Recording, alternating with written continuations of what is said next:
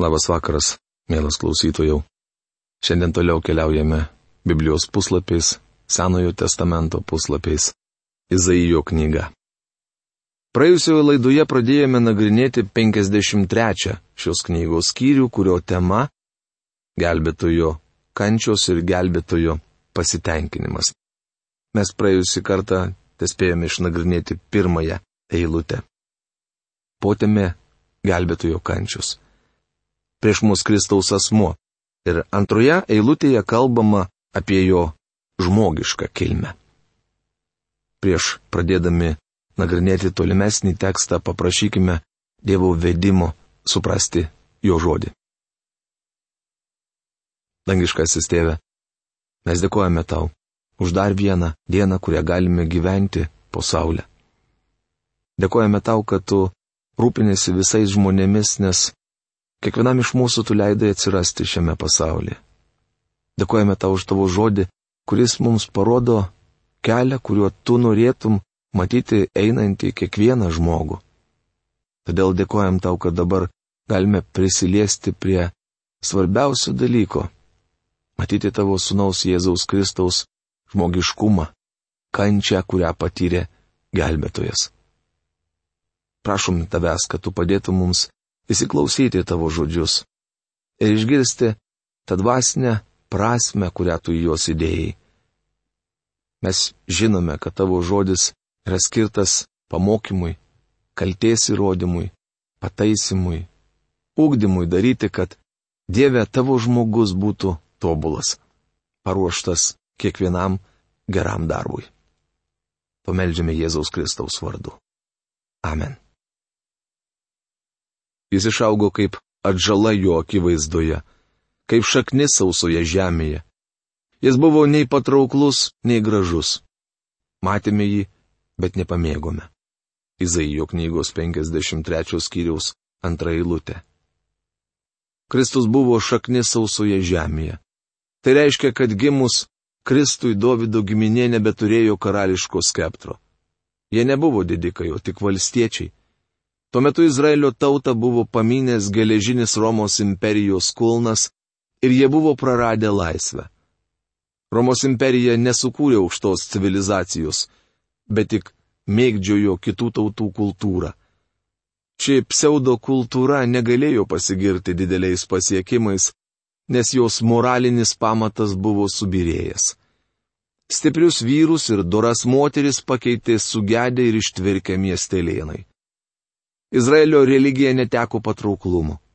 Žmonės atlikinėjo tuščius ritualus, bet jų širdis buvo šaltos ir abejingos. Esant tokiai situacijai gimė Kristus. Jis kilo iš kilmingos, bet nusigyvenusios giminystės linijos iš Romos vasalais tapusios tautos. Kristus į pasaulį atėjo didelio nuosmukio metu.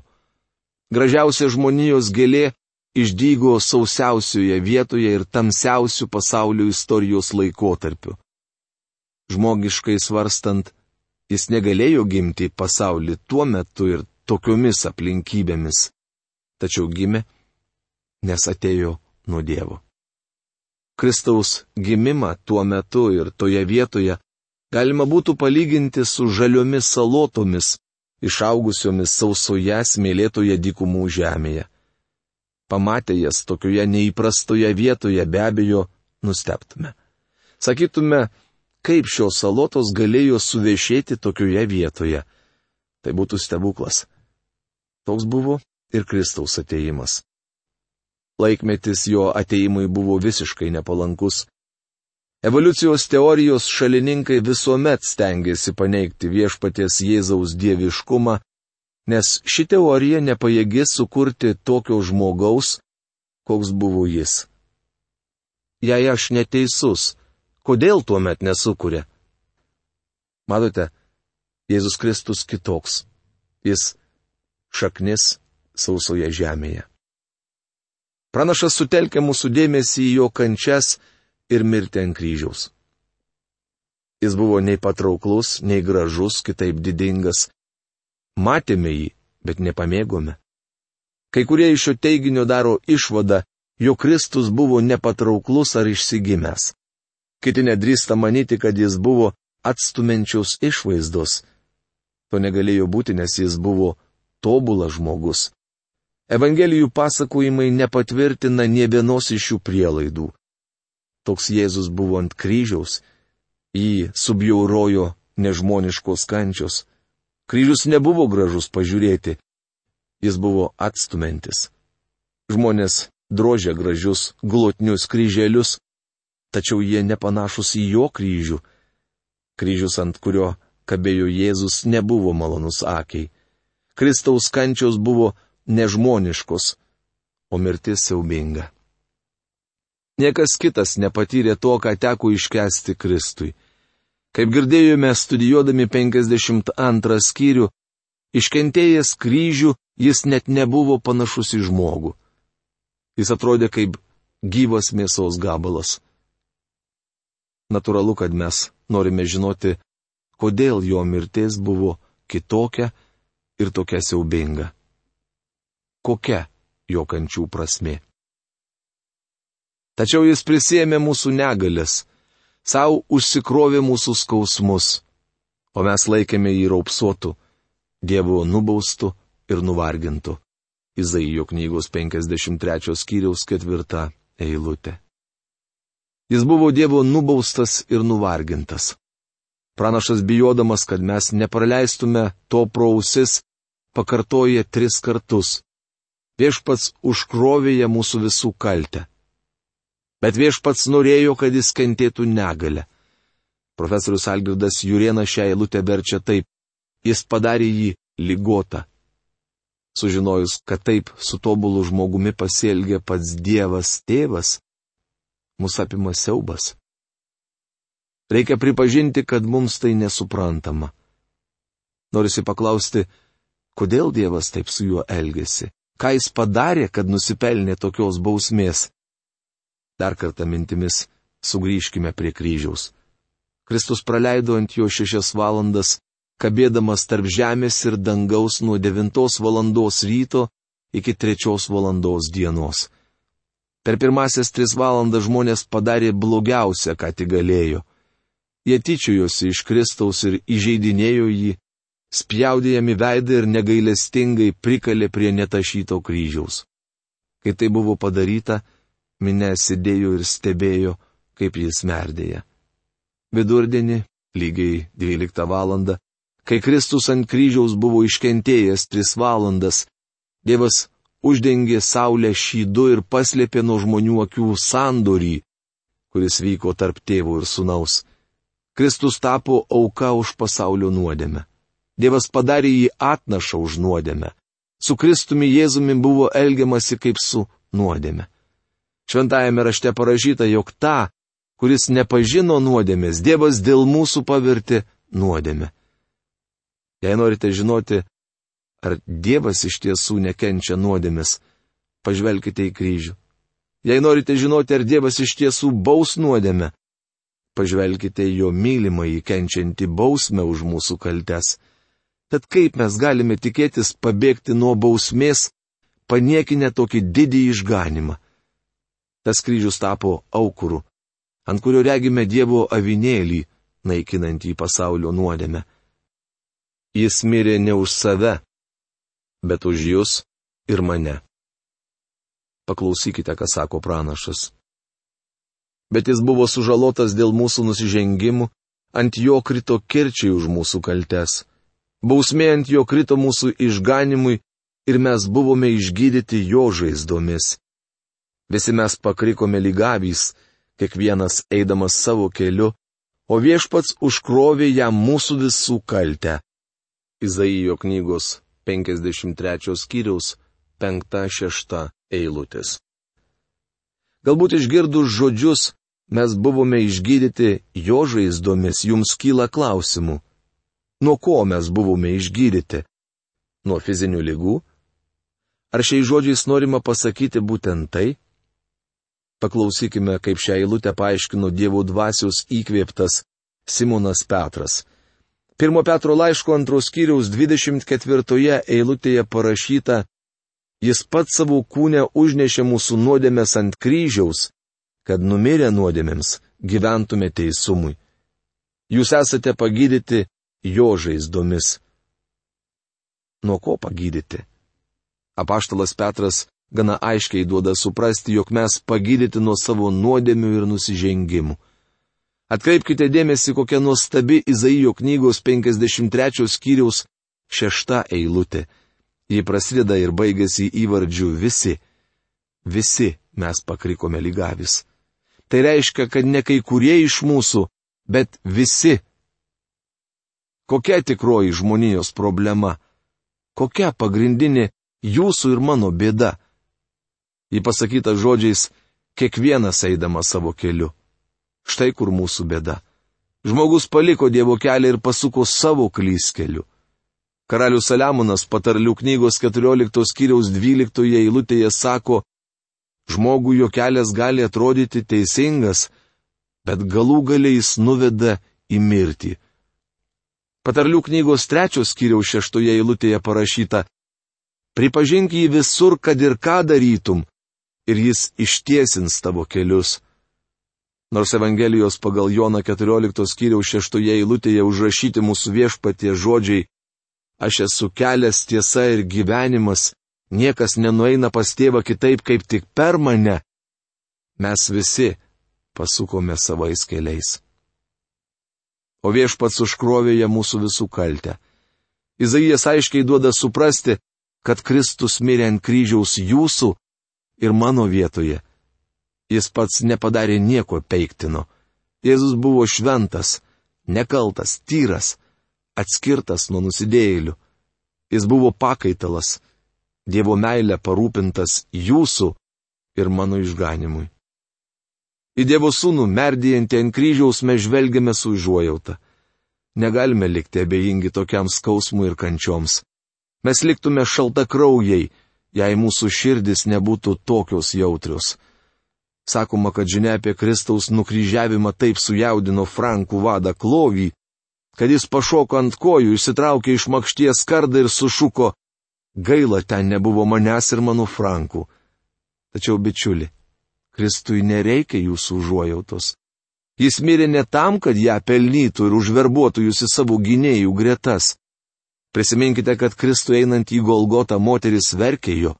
Tuomet mūsų viešpats sakė joms, verkite ne manęs, bet verčiau savęs ir savo vaikų.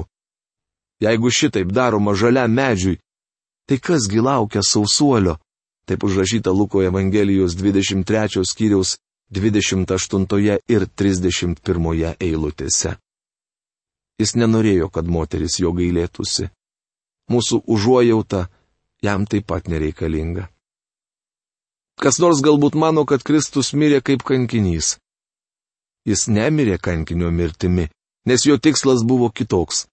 Kristaus mirtis nebuvo panaši į tų kankinių, kurie mirties valandą gėdojo džiaugsmo giesmės ir sakė, jog šalia jų stovi Kristus. Apaštalų darbų knygos 7 skyriaus 56 eilutėje aprašyta Stepono mirtis. Steponas triumfuodamas sakė, štai regiu atsivėrusi dangų ir žmogaus sūnų stovinti Dievo dešinėje. Mūsų viešpaties mirtis buvo kitokia. Dievas jį apleido. Evangelijos pagal Mata 27 skyriaus 46 eilutėje rašoma, kad Kristus šaukė, mano Dieve, mano Dieve, kodėl mane apleidai? Jo mirtis buvo neįprasta. Jis mirė vienišas, vienui vienas apkrautas pasaulio nuodėmėmis. Kas nors galbūt pasakys, kad Kristaus mirtis turėtų daryti nuostabiai įtaką mūsų gyvenimui. Mąstydami apie jo gyvenimą ir mirtį, pirmiausia turėtume grėžtis nuo nuodėmės. Deja, žmonės to nedaro. Mielas bičiuli, norėčiau užduoti klausimą, kaip Kristaus mirtis veikia tavo gyvenimą. Vien galvoti, kad Kristaus mirtis turėtų daryti nuostabę įtaką mūsų gyvenimui, neužtenka. To negana, kad suvoktume Kristaus mirtį, nes jis yra Dievo avinėlis naikinantis pasaulio nuodėmę. Jis užėmė mūsų vietą. Pranašas Izaijas sako, visi mes pakrikome lygavis, kiekvienas eidamas savo keliu, o viešpats užkrovė jam mūsų visų kaltę. Gelbėtojo pasitenkinimas. Dabar norėčiau pacituoti trečią eilutę, kurioje kalbama apie Kristaus negalę. Jis buvo paniekintas, žmogaus vardo nevertas, skausmų vyras apsipratęs su negale, toks, kurį pamatė žmonės užsidengę veidą. Jis buvo paniekintas ir mes jį laikėme nieku. Izaijo knygos 53 skyriaus 3 eilutė. Kristus vadinamas skausmų vyrų, apsipratusių su negale. Iš to daugelis žmonių daro išvadą, jo gyvendama žemėje jis buvo labai nelaimingas. Norėdami įrodyti šį teiginį, jo šalininkai cituoja kelis pavienius epizodus, kuriuose aprašomas verkiantis Kristus. Pabandysiu paneigti tokią prielaidą. Izaijo knygos 53 skyriaus ketvirtoje eilutėje pasakyta, kad Jis prisėmė mūsų negalės savo užsikrovė mūsų skausmus. Atkreipkite dėmesį, kad jis kentėjo mūsų negalės ir mūsų skausmus. Savų skausmų ir negalių Kristus neturėjo. Jis buvo be galo laimingas vykdydamas savo misiją žemėje. Laiškė Hebrajams 12 skyriaus antroje eilutėje apie mūsų viešpatį pasakyta, dėl jam skirto džiaugsmo jis iškentėjo kryžių. Taip verčia profesorius Algirdas Jurienas. Paveiksluose Jėzus vaizduojamas rūškanas ir labai rimtas, netoks, koks buvo iš tikrųjų. Net mirdamas ant kryžiaus jis su džiaugsmu užėmė mūsų vietą. Kristus pavertė kryžių aukuru, ant kurio užmokėjo reikiamą kainą, prisimdamas bausmę už jūsų ir mano nuodėmes. Jis mirė savo noru. Šios kiriaus septintoje eilutėje skaitome, kaip tyli ėriukas vedamas pjauti, kaip tyli avis kerpama, taip jis nepratarė nei žodžio. Galbūt mastote, pamokslininkė, man visą tai atrodo nelogiška, aš to netikiu ir man tokia religija nereikalinga. Nenoriu, kad Dievas už mane aukotųsi. Neprašiau, kad jis tai darytų. Tiesa, jūs to neprašėte. Tačiau leiskite užduoti vieną rimtą klausimą. Esu tikras, kad sutiksite, jog šiandien pasaulio būklė apgailėtina ir dėl to kaltas žmogus. Žmogiška išmintis nesugeba įspręsti šio gyvenimo problemų. Ar niekada nesusimastėte, kad žmogaus nuomonė apie pomirtinį gyvenimą gali būti klaidinga? Gal jis klysta, atmesdamas Dievo siūlomus vaistus? Tuščia filosofija ir netikras mokslas neišsprendė kasdienių gyvenimo problemų. Juk klysdami kitose srityse. Jie gali klysti ir atmesdami biblinės tiesas. Nors trumpam įsivaizduokite, kad Dievas iš tiesų atidavė savo sūnų mirti už jūs ir kad jis iš tiesų daug paukojo. Tarkime, Kristaus kryžius iš tikrųjų yra dieviškas vaistas nuo nuodėmės. Tai geriausia, ką gali pasiūlyti net pats Dievas. Sakykime, jūs taip ir nepriimsite jo maloningai siūlomo išgelbėjimo. Ar manote, kad galite pagrįstai tikėtis, jog Dievas padarys ką nors dėl jūsų amžinybėje? Dievas eikvojo savo meilę, išminti ir galę atiduodamas Kristų numirti ir kantriai laukė, kol jūs jį atsigręžte. Ką dar jis gali padaryti, kad jūs išgelbėtų? Ką dar, jūsų nuomonė, Dievas gali padaryti dėl jūsų ir visų tų, kurie atmeta jo sūnų? Jis ateitų ir numirtų dar sįki, jei tokiu būdu galėtų jūs išgelbėti. Dievo meilės dovanos atmetimas - rimtas pasirinkimas. Tuo Evangelijos žinia nesibaigia. Mes garbiname nemirusi, bet gyvą Kristų. Jis ne tik mirė, bet pergalingai kėlėsi iš kapo ir pakilo į dangų. Šią akimirką viešpats Jėzus Kristus sėdi Dievo tėvo dešinėje. Pranašas sako, už savo vargus jis matys šviesą dienų pilnatvėje, per savo kančią mano tarnas nuteisins daugelį, prisijėmęs bausmę už jų kaltes. Izaijo knygos 53 skyriaus 11 eilutė. Profesorius Algirdas Jurienas šią eilutę verčia taip. Dėl jo sielvarto jis matys šviesą. Jis bus patenkintas. Žinodamas apie jį, jis nuteisins daugelį. Mano tarnas bus teisingas, daugeliui ir jis neš jų kaltes. Mes turime gyvą ir džiaugsmingą gelbėtoją, kuris po visų kančių patyrė pasitenkinimą. Jis iškentėjo mums skirtą pragarą, kad mes galėtume džiaugtis jo dangumi.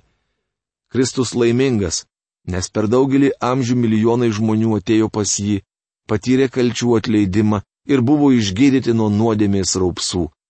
Kristus sakė, kad atsivertus vienam nusidėjėliui dangus džiūgauja, o jų yra milijonai.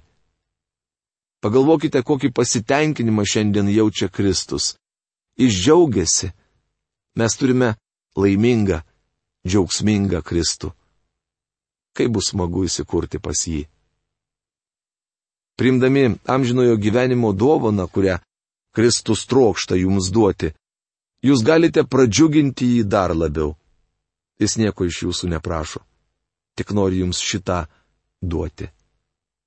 Mat, tam, kuris nedirba, bet tiki tuo, kuris nuteisina bedievi, teisumu įskaitomas jo tikėjimas, rašoma romiečiams laiško ketvirtos kiriaus penktoje eilutėje.